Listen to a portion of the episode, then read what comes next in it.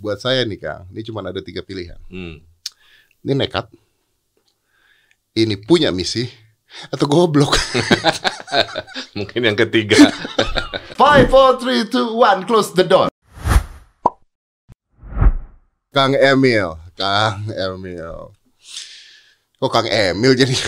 Bener. Bener kan? Bener dong ya? Siap. Ridwan Kamil, Kang Emil ya, bener ya? Kang Emil. Saya mau ngomong dulu nih Kang. Siap. Jangan tersinggung ya Kang ya. Iya, siap. Kang, lu tuh gila Kang. Mungkin. Lu, lu gila beneran. Gue begitu baca tuh Kang. Gue Iya. gue baca nih Kang. Gue baca. Gila nih orang. Terus gue penasaran banget. I need to talk to this guy. Dude. I really need to talk to him. Makanya terima kasih banget udah dari Bandung nih ya, dari Iya, Bandung ya. Dari Bandung. Terima kasih banget eh, udah datang Kang. Tapi tetap aja gue mau ngomong, lu gila Kang.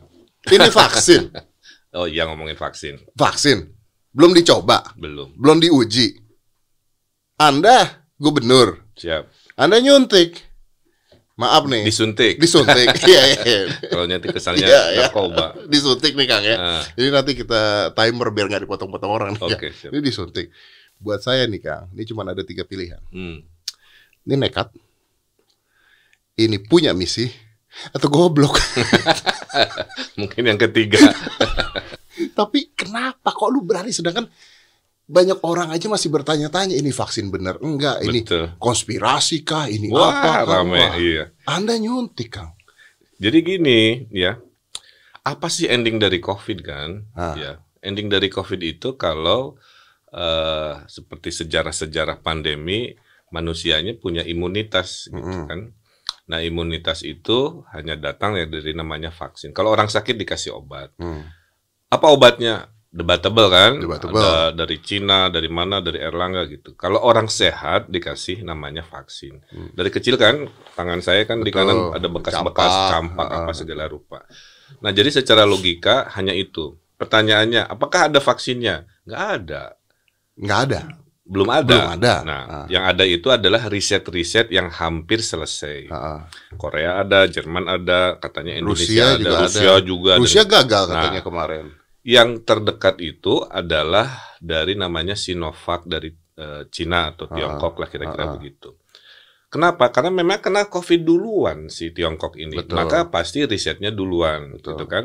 Kedua, mereka udah temenan dengan namanya Bio Farma. Jadi Ya. Bio Farma itu perusahaan vaksin yang udah ekspor ke 200 negara, eh, kerjasama sama Sinovac di proyek yang lain-lain. Jadi udah temenan lah. Mm-mm. Ibaratnya, bro, aku udah punya Udah punya nih. sampel mau Ah. nggak kira-kira begitu. Nah, yang berikutnya kalau kita lagi perang karena saya ngibaratin namanya COVID ini perang kan, lagi perang. Musuh di mana-mana kayak film-film Hollywood lah.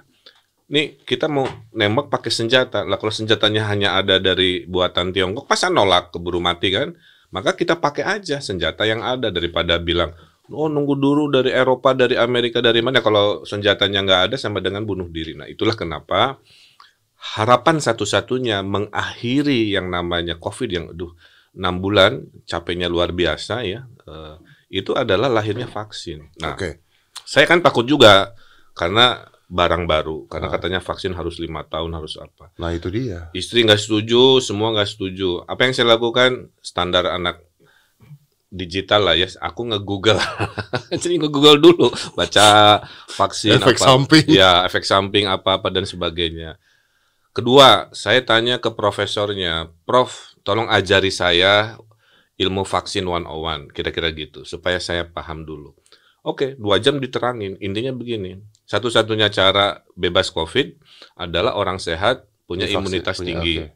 Gimana cara imunitas tinggi? Antibodinya muncul Hmm. oleh rangsangan dari vaksin. Apa itu vaksin? Vaksin itu datang dari dua hal, saya singkat ya, dari eh, apa virus COVID yang Di, dimatikan, dilemahkan atau Eh, dilemahkan yang Dilemahkan, pertama. oke.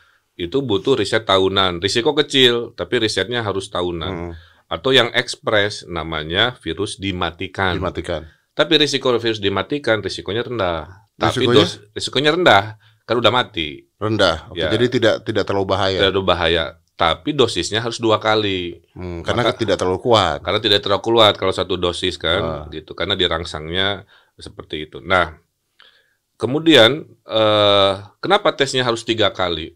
Jadi dalam peraturan WHO itu ngetes vaksin itu tiga tahap. Tahap satu ke eh, jumlah orang di bawah 100. Itu udah dilakukan di Tiongkoknya, di Hmm. Cinanya. Tahap kedua itu antara 100 sampai 1000. Itu udah dilakukan. Nah, yang belum dilakukan adalah tes di atas 1000 orang. Oke. Nah, biasanya tes ketiga itu dilakukan di negara konsumennya, di negara penerima. Jadi Berarti kalau berarti kalau ngomong begitu berarti kita jadi bahan percobaan dong, Bro. Enggak, memang standar vaksin itu begitu. Maka misalkan Bio Farma ya, Bio Farma jualan ke Afrika dia bilang atau ke Belgia. Itu tes ketiganya di negara Belgianya. tes ketiganya di negara Afrikanya. Jadi itu udah prosedur bahwa eh, tes ketiga harus dilakukan di negara penerima. Ya memang namanya juga eksperimen. Kenapa dia nggak coba di Cina sendiri? Kan genetikanya lain. Jangan-jangan cocok oleh kulit kuning di sana tidak cocok dengan kulit sawo matang Oke. ya, Oke. ya, seperti kita. Nah, itulah kenapa dibutuhkan. Kenapa jumlahnya 1620? Karena kayak teori statistik. Iya, iya, iya. iya. Ada angka-angka hitungannya lah ada ya. hitungannya itu cukup gitu. Nah, problemnya karena barangnya nggak ada, orang khawatir, hoax banyak, disangka ini konspirasi, disangka ini nanti di apa ada digital ID, disuntikan dan lain sebagainya, menyebabkan orang khawatir yang daftar sedikit. Nah, di situlah moment of truth-nya. Hmm. Kalau saya jadi gubernur ini tidak ikut jadi relawan, orang nggak percaya karena bahasanya begini. Wong pemimpinnya aja nggak yakin, nggak mau, Takut. kok rakyat dikorbankan, kok rakyat jadi kelinci percobaan. Tapi kan ada ada satu juga ada Hmm. satu perkataan yang kalau misalnya kita main catur kan pion jalan dulu dong. Pemimpin nggak boleh kena apa-apa dulu dong. Nah, saya ada nasihat ibu saya kalau dalam situasi begini, kan lagi perang nih, ya. Ah. Kalau ada rejeki, rakyat yang di depan, pemimpin belakangan. Tapi kalau ada khawatir, pemimpin yang di depan, membereskan khawatir, baru rakyat belakangan. Nah, atas nasihat ibu itu, saya, itu itu udah udah menyalahi ilmu perang Sun Tzu tuh.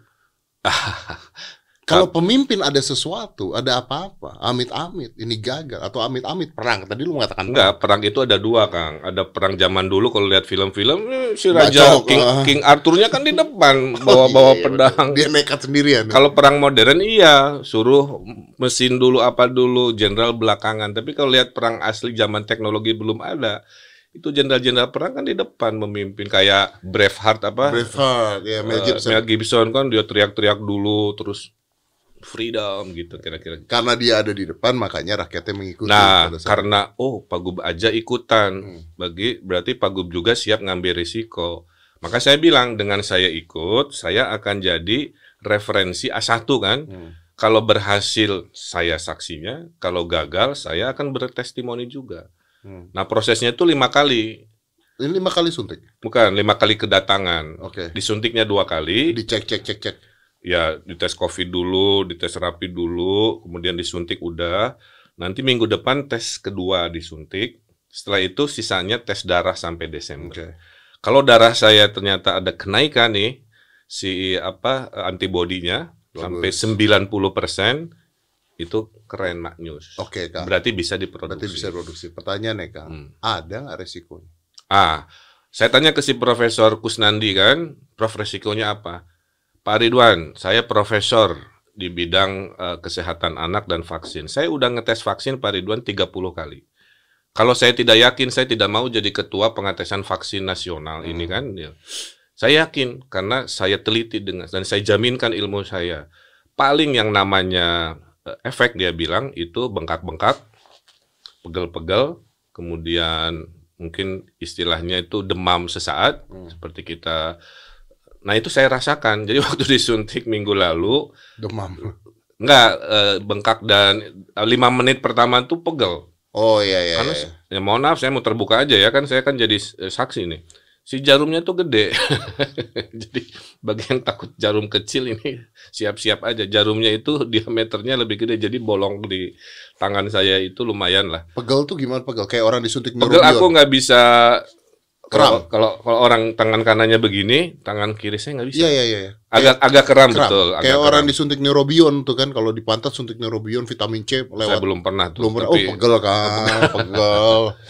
Nyut-nyutan. ya gitulah. Nah, jadi efeknya lima menit yang saya rasakan eh, agak pegel-pegel 5 menit saya apa ngelemes-lemesin gitu kan.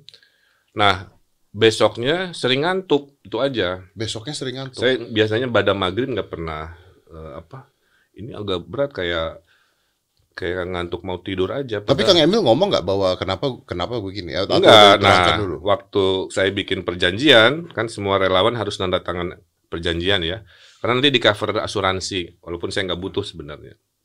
Eh, nah di situ disampaikan tiap hari harus lapor, dikasih surat Iya. selama eh, berminggu-minggu ini. Berapa suhunya jam na- 18.30 saya harus nulis. Naik gitu kan?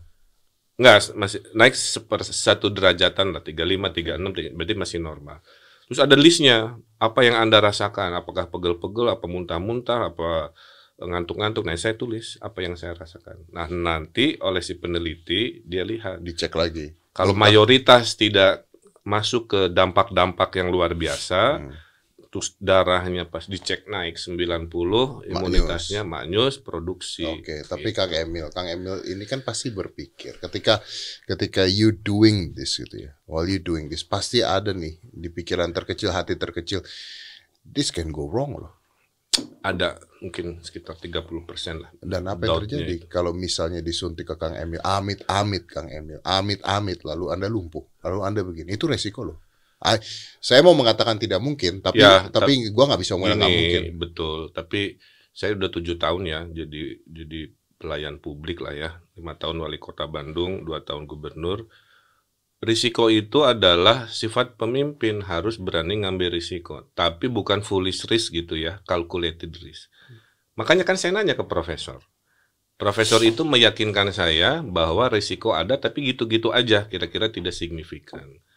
Makanya kenapa harus orang di Bandung kan jadi relawan supaya si peneliti ini kalau minta orang datang buat dicek dia ada. Hmm. Karena juga yang relawannya di Jakarta di mana nggak bisa. Kenapa? Karena mobilitas menyulitkan. Misalkan gini, besok datang ya buat pengecekan. Hmm. Oh sibuk, saya lagi di Bali, saya lagi di Jogja. Nah Iya, itu iya, nanti mengganggu si statistik itu. Makanya yang dipilih relawan syaratnya adalah orang yang domisilinya tidak jauh dari si Bio Farma. Oke. Maka yang lain-lain di luar Bandung nggak bisa. Nah kira-kira salah satunya itu. Bahwa risiko itu ada ya kalau dibikin takut-takut sih ya ada lah ya. Tapi kan saya menguatkan dirinya ke omongan si profesor itu. Iya, iya, iya. Itu kalau kita nggak nanya si profesor mau ke mana lagi coba? Ini udah levelnya tuh Udah kan level ya, udah profesor 30 kali apa eh, ngetes vaksin, track recordnya juara lah ya. Ya, Ya, ya jadi udah. jadi you feel safe lah ya. Ya, kecuali nanya ke orang yang nggak jelas gitu kan.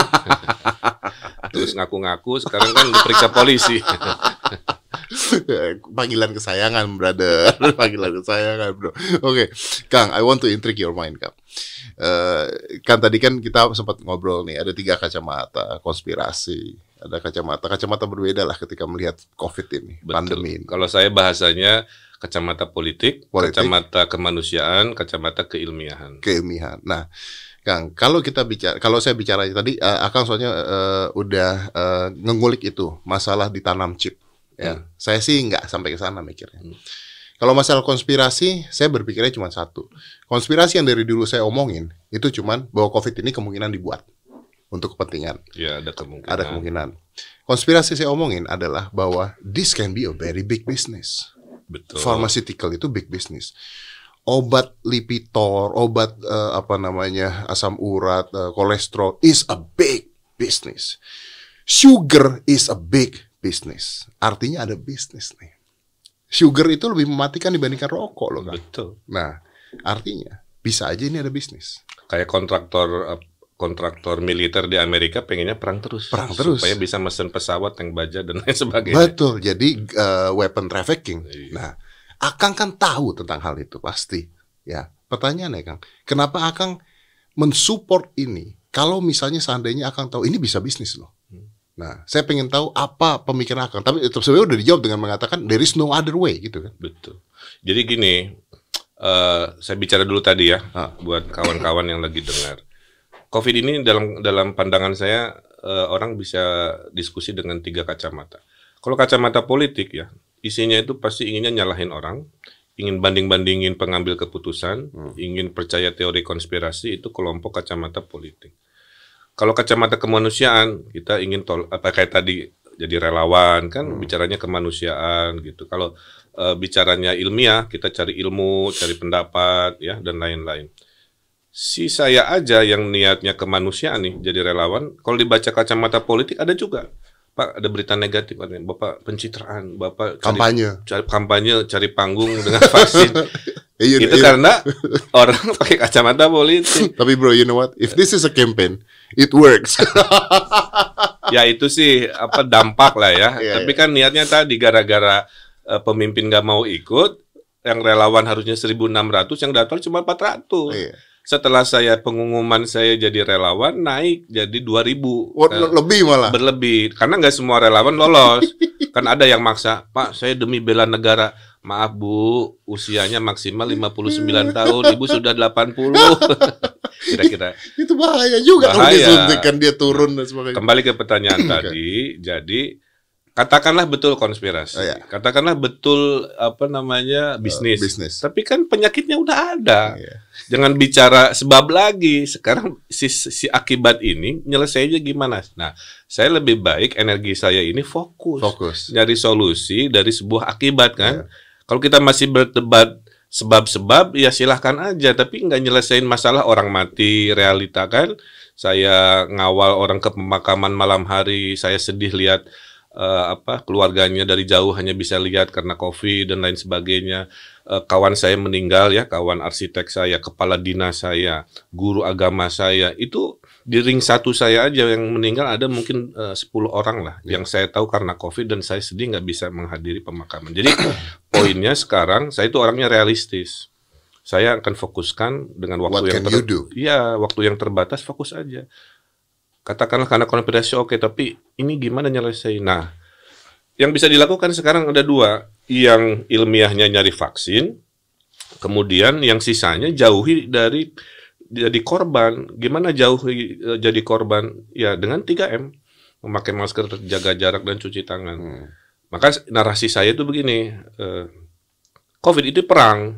Kalau perang ya, nggak pilih-pilih. Semua yang merasa terancam harus turun bela negara. Hmm. Siapa yang di depan? Kalau perang beneran tentara, sekarang dokter tenaga kesehatan 100 kan meninggal. Mereka pahlawan. Anda punya harta, kalau lagi perang gimana? Nyumbang harta. Kayak dulu Bandung Lautan Api kan dibakar kan daripada direbut musuh.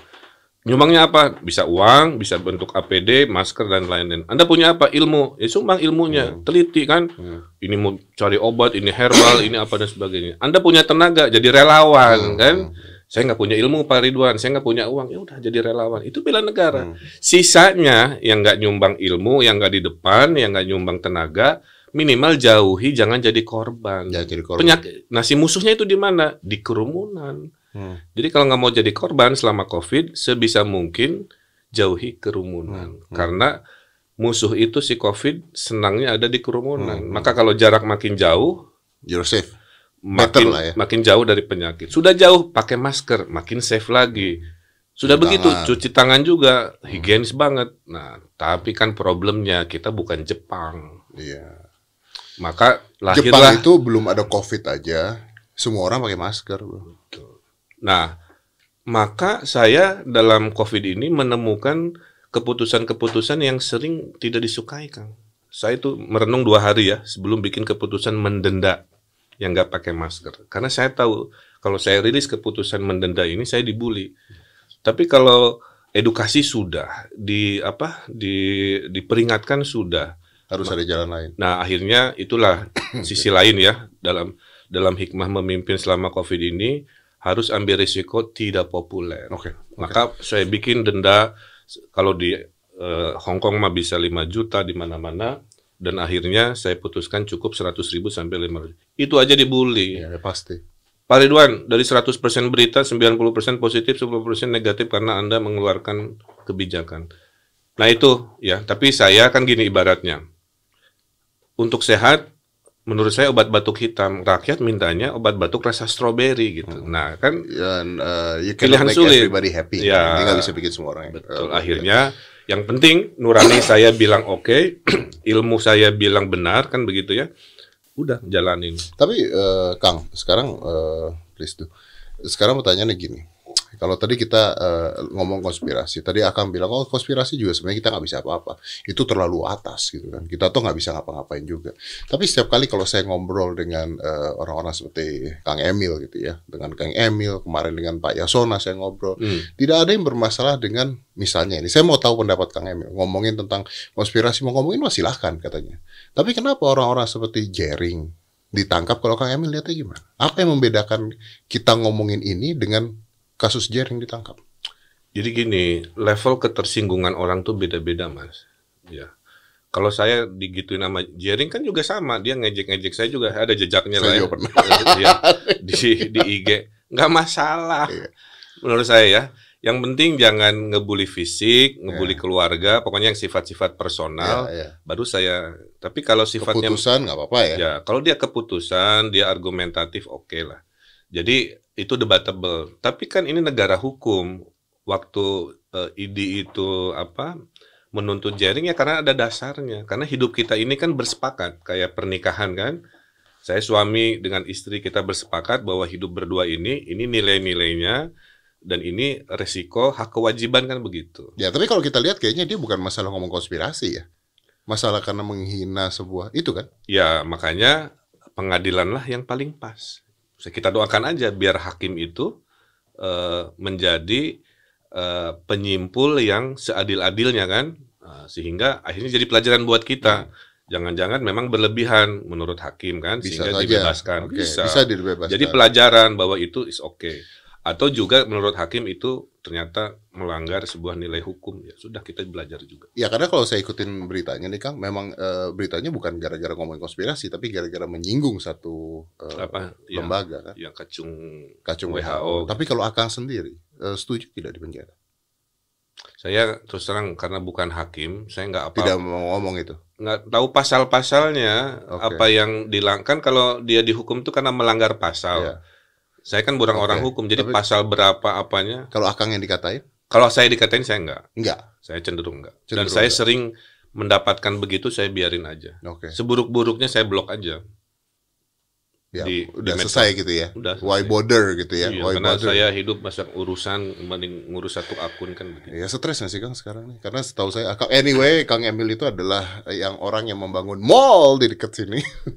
bukan membangun konsep ngonsepin. Dulu. Ngonsepin uh, exchange ya Bintaro Exchange di sini.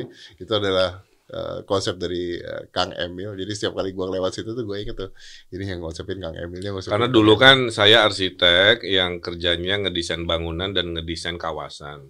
Nah kawasan Bintaro ini uh, dulu saya konsepkan bahwa saya bilang ini Bintaro di belakang akan bakal mahal. Kenapa? Ada jalan tol. Tapi jadi karena, mahal setelah jalan betul, tol Betul, karena gila. dulu masuk Bintaro itu kan lewat uh, sektor Deplu. satu Deplu oh, iya. benar ya. Saya bilang ini, maka saya bilang dulu yang namanya daerah belakang jadi daerah depan. Iya. Dulu yang daerah Deplu depan daerah jadi belakang. Daerah belakang. Gitu. Makanya Makasih loh, Kang. Siap. Lumayan lah ya. Di sini ada beberapa harganya naik Karena kuncinya saya. ya, yang bikin mahal hidup itu orang bergerak terlalu berlebihan kalau ke mall harus ke Jakarta kan bensin, hmm. orang macet. Ya kalau bisa cukup di wilayah masing-masing. Jadi Bintaro, maaf ya, kemudian Kelapa Gading itu teori yang benar, mandiri. Mandiri. Sekolah situ, mall di situ, kerja di situ, ngapain di situ. Kalau kepepet baru, baru ke, Jakarta. Keluar, baru ke Jakarta. Itu konsep hidup di metropolitan yang paling benar. Yang paling benar. Oke, tapi ke Jakarta agak sulit sekarang karena berita terbaru PSBB sudah dimulai ya. lagi. gue tuh gak tahu mau ngomong ini sama sama Kang Emil apa enggak. Cuman penting karena saya baru dapat nama Pak Mengganggu gua. Iya. Kenapa mengganggu gua berita nih Kang? Ya kan tadi berita. Berita tuh ada dua loh. Ada satu mengatakan uh, Anies Baswedan uh, tarik rem darurat, bla bla bla bla. Oh, bagus nih beritanya. Ada satu Menteri Erlangga mengatakan ini merusak ekonomi, bla bla bla bla bla. Jadi maksudnya ini ada apa? Kok pemerintah sendiri jadi bingung? Anda kan salah satu orang di pemerintah. Saya kasih tahu gini uh, dulu orang mengira COVID itu hanya urusan kesehatan. Hmm, ternyata ternyata menjadi urusan darurat ekonomi karena solusinya harus menjauhkan interaksi. Kalau penyakit demam berdarah, mohon maaf ya, hmm. kan diselesaikan saja dengan urusan kesehatan, nggak ada dampak ekonomi. Tapi karena solusinya menjauhkan interaksi, berarti kan menghentikan pertemuan orang, ya. menghentikan pergerakan orang, maka ekonomi terdampak. Contoh konkret kan, dengan PSBB selama ini kita berhentikan di Jawa Barat dulu hanya 25% dari 50 juta yang yang tangannya di bawah dikasih bansos kan, which is oke okay lah. Sekarang, Sekarang 83%. Bayangkan 3 per 4 rakyat saya minta bantuan sosial, maka uang habis kan kira-kira begitu. Nah ini dampaknya. Nah kesimpulan saya nggak bisa dua-duanya dimenangkan ya. Jadi full di apa di lockdown lah ya. Uh, nggak jaminan juga. New Zealand di lockdown ya, bocor juga, bocor maaf ya. juga. ya. Uh, Vietnam yang sering dibanding-bandingkan sukses bocor juga. Jadi lockdown full juga nggak jaminan kecuali vaksin sudah hadir. Kecuali makanya vaksin. makanya you makanya going to vaksin ya. Ya, I'm going to vaksin. Sense of hope-nya itu ada di vaksin. Ada ekonominya dibuka semua, tapi kan terkorbankan ke masyarakat yang tidak disiplin. Jadi kesimpulannya menurut saya hari ini kebijakan Pak Anies itu memang akan terjadi. Jadi harusnya jangan kaget gitu. Tapi memang kita pemerintah harus ngalkulasi. Oke kalau kita remnya ditarik berapa korban kan yang di PHK, berapa korban yang nggak bisa kerja itu harus dihitung dulu. Ya tapi rakyat menjadi kecewa karena berharap bahwa pemerintah itu satu suara bro.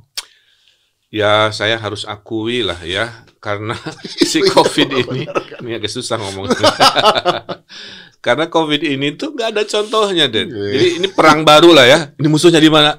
Kiri nggak tahu, kanan nggak tahu. Gimana? Ditonjok apa ditusuk apa ditiup nggak tahu. Kira-kira begitu. Jadi jadi pusing semua jadi, orang punya. Makanya saya sebagai pemimpin di Jawa Barat kerja saya sekarang riset supaya saya jadi pemimpin yang nggak bikin salah keputusan karena nggak ada contohnya. Maaf ya, saya nanya ke menteri, emang menteri juga pengalaman enggak? Nggak kan? pernah tahu tentang COVID. ada. Itu. Jadi jadi COVID ini adalah ujian kepemimpinan. Kan ada pemimpin yang marah, ya. ada pemimpin yang patah, ada pemimpin juga yang stres, ada pemimpin yang diam juga, saja, diam saja, ada yang kena meninggal juga ya. dan sebagainya. Nah kalau saya kuncinya memang spiritualitas, maaf maaf ya, karena badan ini gimana pikir, kan ada orang yang udah habis di detik-detik finish karena pikirannya bilang hmm. kamu mampu, kamu mampu kan dia akhirnya hmm. bisa ke finish hmm. ngejoprak kan hmm. begitu. Nah ini juga sama. Hmm kalau batin saya kuat, batin saya tenang, walaupun lemas, walaupun hmm. lelah, enam bulan, ya. Makanya saya nggak pernah pasang tampang stres, ya. tampang bagaimana karena rakyat itu ingin pemimpin sumringah, ya, ya, optimis. Ya. Waktu perang kan semua orang stres. Nah kira-kira hope, sense of hope. Makanya kenapa vaksin ini penting? Saya ingin memberikan tenanglah. Kita lagi repot, hmm. tapi di sana di ujung gelapnya terowongan ada ada cahaya, ada cahaya. dan tapi, saya ngajak semua siap-siap ke sana. Tapi Kang Emil tahu bahwa ketika orang di rumah saja tidak punya pekerjaan dan sebagainya, Amin uh, ada penelitian gimana sih cara membunuh orang secara cepat itu adalah mengurung, menghilangkan sosialnya. Nah oh, PSBB ya, dan sebagainya ini seperti itu. Ada mental health yang kena di orang-orang. Betul. Makanya uh, ada istilah dari teman saya Pak, jangan sampai corona ini jadi corona jiwa gitu bahasa nah, itu, dia ya. Iya. Kenapa akhirnya orang cuek, orang malah uh, nular-nularin kan ada berita lah di Amerika hmm. ya pesta covid nah. nantang-nantang kan yeah. tahunya kan mati karena kan stres kan stres orang stres jadi uh, makanya susah nih jawab covid ini ya, kenapa karena makanya kita kita diskusi ya, aja betul contoh kayak pendidikan uh. Pak udah kelamaan kami di rumah nggak punya sinyal nggak punya yeah. apa dan sebagainya kan Bapak ini nggak peduli kami gini-gini. Di sisi lain, Pak jangan buka sekolah. Yeah. Kalau buka sekolah, Bapak tanggung jawab lahir batin nanti masuk neraka, nyuruh buka terus anaknya COVID, kan? Coba, itu contoh kecil nih. Belum selesai si debat ini. Ini menunjukkan COVID sulit banget. Saya buka sekolah, ada risiko kan? Pas benerannya kena, saya kan berdosa juga. Nggak dibuka, orang stres nggak semua orang punya sinyal kan? Sudah apalagi Jawa Barat kan ada gunung ada pantai. Nah akhirnya kembali lagi gimana solusinya pakai ilmu kan hmm. bikinlah leveling yeah. merah oranye yeah. kuning hijau itu pun itu pun kan tetap tidak dipahami udah hijau pastikan dulu gurunya mau bersih apa tidak sekolahnya mau apa yeah. tidak gubernurnya di sana hmm. boleh apa tidak gua kita gua ngobrol sama uh, Nadiem Makarim kan sama Bro Nadiem iya. waktu itu di sini kan saya paham Pak Nadiem juga bingung karena dalam hidupnya nggak ada contohnya you know what, iya, the end of the podcast gua nanya bro tapi tapi, tapi gini seburuk-buruknya pemimpin ini filosofi saya ya adalah pemimpin yang nggak mau ngambil keputusan, kan. Uh. Kalau saya, Pak, Bapak ambil keputusan keliru. Kenapa? Kita semua masuk jurang dengan keputusan Bapak. Oke, saya salah, minta maaf. Kita naik lagi, perbaiki kan begitu. Daripada daripada bingung. ini gimana harimau sudah ada di depan mata, kita ke kiri apa ke kanan Pak? Diam lama-lama kita nggak ada keputusan mati oleh sesuatu yang foolish kan? Nah, saya prinsipnya itu Mas. Ya. Jadi sebaik-baiknya pemimpin adalah pemimpin yang berani ngambil keputusan. Walaupun salah, Walaupun salah, tapi bisa diperbaiki. tapi bisa diperbaiki. Ketimbang dia diam tidak mau mengambil keputusan. Gitu. Maka jangan kaget kalau banyak pemimpin dibully ya karena kekeliruan. Karena kan manusiawi siapa sih perfect person kan manusia sempurna kan nggak ada. Tapi kita belajar tiga hal kan ibu saya mengajarkan. Sering-sering bilang terima kasih kan begitu ya. Sering-sering bilang minta tolong kan begitu. Eh, sehingga eh, kalimat-kalimat itulah dan sering-sering minta maaf kalau keliru kan. Nah, Nah prinsip itu memang terasa. Makanya saya bilang COVID ini ujian kepemimpinan. Semua jenis keanehan dalam pengambilan keputusan ada di COVID. Ya karena tidak pernah belajar.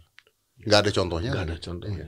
Waktu gua ngobrol sama eh, Bro Nadim at the end of the podcast gue nanya, bro jujur stres nggak? Nyesel nggak lo jadi menteri? bukan dia bilang, dia bilang stres bro katanya. Nobody know this happen katanya ada kan. Keputusan apa pun yang diambil nggak akan pernah benar juga. Buat beberapa masyarakat juga beda. Saya Tapi ada hikmahnya. Saya cerita sisi positif dulu ya. Oke. Tadi kan kita bicara yang tegang-tegang. The bright side of COVID pandemi lah. Oke. Satu, keluarga. bukan olah bersepeda naik. Orang lebih banyak sekarang olahraga motorik yang Iya. yang murah meriah, jaga jaraknya ada, tapi bisa Eh, keringetan. any- anyway, sorry saya potong Hmm. bro. Kalau PSBB itu sepeda boleh nggak ya?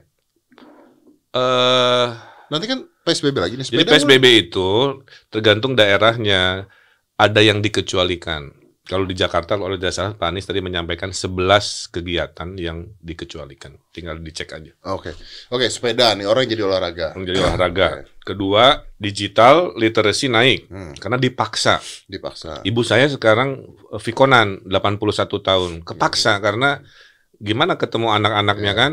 Akhirnya kita coba Betul. bayangin. Apa Zoom tapi kan antar keluarga, kan Iya. lucu ya dengan sebagainya. Kemudian kita menemukan fakta orang hamil naik kalau di Jawa Barat. Lu lagi, lu lagi. Tapi ada fakta perceraian juga ningkat tuh Ah, bro. kalau fakta perceraian, joke saya adalah karena sering di rumah kan, WA suami kan ketahuan. itu terus ada yang bilang Pak bener Pak kejadian di tetangga katanya gitu karena suaminya gimana WA-nya kebaca.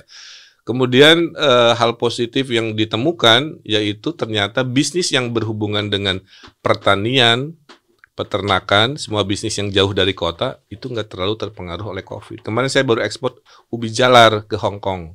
Itu nggak kena ya? Nggak kena. Saya bilang, kok bisa? Memang dibutuhkan, Pak. Kalau pangan itu nggak turun.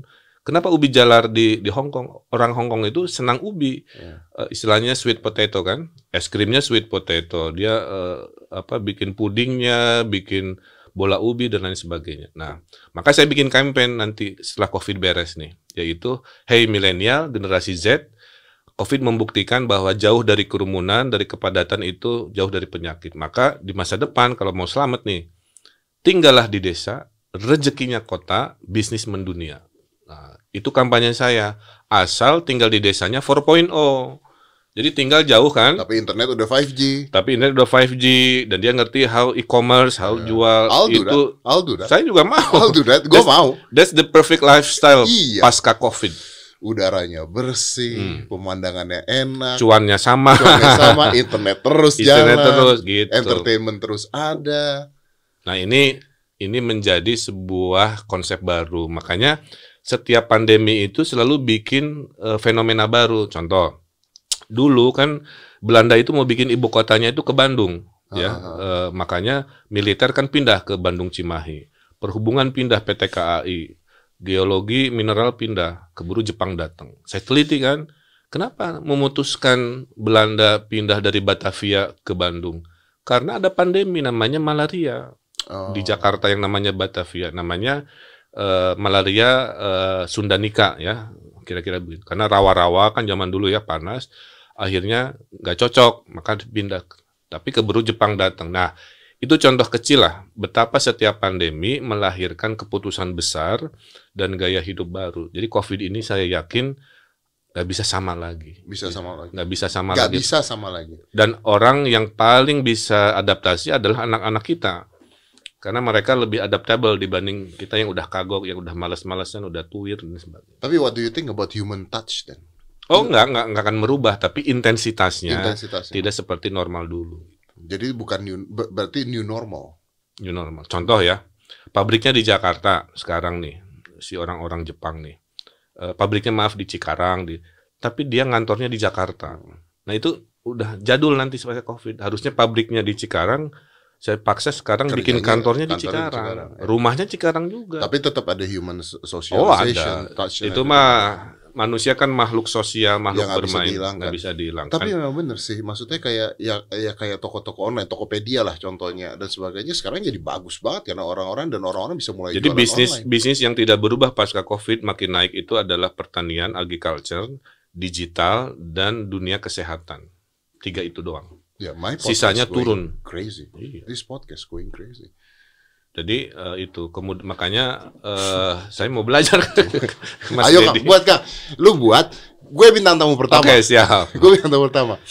Tapi Karena Kang, saya ingin ingin orang tuh paham dunia politik, dunia pemerintahan dengan cara santai. in a fun way. Iya. Betul. Kalau kalau formal-formal mah nggak Betul. cukup. Tapi makanya Sorry. makanya eh, IG saya itu kan saya total follower ya eh, Twitter 4 jutaan Facebook 4 jutaan eh, Instagram kan 12 juta lah itu cara saya untuk mengkomunikasikan tapi saya bilang Tapi belum maksimal ceritanya. belum karena saya menghindari godaan monetisasi Padahal saya tahu kalau sekali posting 100 juta saya bilang Emang, nanti emang aja boleh. Nggak boleh Kenapa nggak boleh? pejabat negara nggak boleh dapat income tambahan di luar Kan tidak korupsi. Betul, tapi melanggar etika. Kalau gitu nanti si pejabat negara jadi bintang iklan gitu. Oh. Dan akhirnya waktunya habis untuk hal-hal yang bukan eh, substansi dari sumpah jabatannya. Oh. Jadi saya itu bukan tidak mungkin dengan modal tadi kan, tapi nanti aja modal pensiun. nggak apa-apa udah punya modal kan tapi kan Iya. udah punya modal itunya. Cuman Ya, poin saya, saya nggak pernah posting negatif. ya, ya. Pak, kok ada yang bilang begini? Oh, Jawa Barat tidak seindah ada bikin apa orang protes lah ya. Jawa Barat tidak seindah postingan Instagram Ridwan Kamil. Saya Ya. bi- saya bilang kalau mau yang negatif-negatif, lihat aja berita mainstream. Anda nggak lihat judul akun saya, Broadcaster of Daily Happiness itu. Ya betul. Sebenarnya eh, menyebarkan ketakutan keburukan juga ada Pilihan. Pilihan, betul. Kan COVID ini juga kemarin waktu saya ngobrol ngobrol sama Adira juga. Adira juga bertanya, ini COVID ini COVID virus atau sekarang penyebaran ketakutan karena berita semua begini begini nggak ada tuh nggak ada tuh berita-berita positif yang dinaikin kenapa karena orang suka sensasi orang Kan suka bad news itu. is good news. Iya bad news is a good news memang cuman Kang saya mau bercandanya begini nanti kayaknya kalau pandemi udah beres Kang saya mau buka panti pijit plus plus aja Kang. Mm. Kan pasca COVID harus touchless. Nah, bukan gitu Kang. Masalahnya kan sekarang saya ada gym Kang. Ah, Gym nggak bisa buka, ah, betul. Disegel kalau buka ketahuan. Oh ya. Kalau mau buka, misalnya mau mau diem-diem nih harus lewat belakang. Hmm. Jadi udah belajar cara buka panti pijit plus plus. Rute yang aman dari Pol PP. Iya, pusing. Wow. Tapi uh, uh, last question lah. Uh, anyway, I really love talking to you. Uh, Ya pokoknya gini, saya minta doa dari semuanya Hmm. agar ikhtiar eh, testing vaksin ini ya minimal berhasil. Saya saya akan sangat down kalau nggak berhasil karena mau mau apa lagi solusinya ikhtiar kan? testing vaksin maksudnya? Hah? Maksudnya? Ya minta doa Uh-uh. dari semua agar testing ini berhasil. Wah, kalau nggak berhasil back to zero. Makanya kalau nggak berhasil, kebayangkan kita mau cari solusi apa lagi gitu kan? Disiplin nggak bisa maksimal, 3M nggak maksimal dan lain sebagainya. Makanya saya cuma minta doa, mudah-mudahan testing vaksin ini berhasil. Setelah itu insya Allah kita bisa move on, kembali ke situasi lebih normal walaupun tidak sama kira-kira Hmm, begitu. Itu aja. kembali ke situasi yang lebih normal. Saya tuh selalu mengatakan juga, saya tuh pernah posting di Instagram, saya bilang gini, pakai masker itu bagus, ya, penting. Tapi pakai masker itu nggak menaikkan imun tubuh, saya bilang. Yuk olahraga, saya bilang begitu. Oh betul, betul. Yuk olahraga. Nah sekarang nih kan, kalau saya boleh protes ke pemerintah, eh, saya nggak tahu, Akang sih sebenarnya nggak mewakilkan sih sebenarnya. Harusnya saya nggak ngomongnya ke Akang. Tapi kalau saya protes ke pemerintah, olahraga ini juga tidak dipromosikan baik sekarang itu Tujuh. karena ya ya nggak ada sekarang semuanya masker cuci tangan masker cuci tangan ada yang lupa loh bahwa olahraga naikkan imun tubuh dan sebagainya bergerak itu penting Saya tiap hari badminton. nah eh, badminton, berenang, minimal dua itu ya. Eh, weekend sepedahan, Hmm. kalau ada waktu motor-motoran karena istri saya punya hobi baru. Eh, Yaitu? Satu-satunya ibu gubernur yang hobi naik motor besar sendiri. moge iya iya ya motor lah, ya, iya, iya. motor. Itu. Nah, Jadi olahraga betul penting. Kenapa? Coba bayangin ya, saya ngurusin sehari 8 agenda, isinya mayoritas COVID harus ambil keputusan kan mumet. Hmm. Ada apa eh, kardionya nggak ada keringat nggak keluar, pusing. Dopamin Banyak di ruangan, iya. Ya. Makanya outdoor. Makanya kalau ada pilihan bisa outdoor, pilihlah outdoor. Hmm. Ya jangan indoor karena COVID juga muter-muternya lebih banyak di indoor. Itulah kenapa saya nggak setuju bioskop dibuka kan kemarin ada ada dile apa ada perdebatan kan. Kenapa? Karena kalau si AC-nya ini sentral nggak langsung keluar, kan sirkulasi itu muter-muter di situ. Jadi COVID-nya nggak keluar.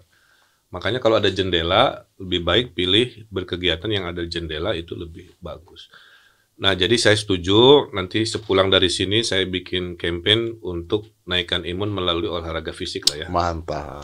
Saya cuma minta satu satu pertanyaan. Siap. Buat saya kan umur 49 nih. Oh. Saya ingin six pack di usia 50 tahun depan. Bisa Kang. Bisa Kang. Ada tips-tipsnya nggak? Bisa Kang. Bisa. Karena orang kadang-kadang merasa umurnya udah mendekati 50 pasrah ya. Ah, nggak boleh terus, Kang. terus saya bilang, waduh, gimana ya? Saya 44 tahun. Hmm. Adira 50.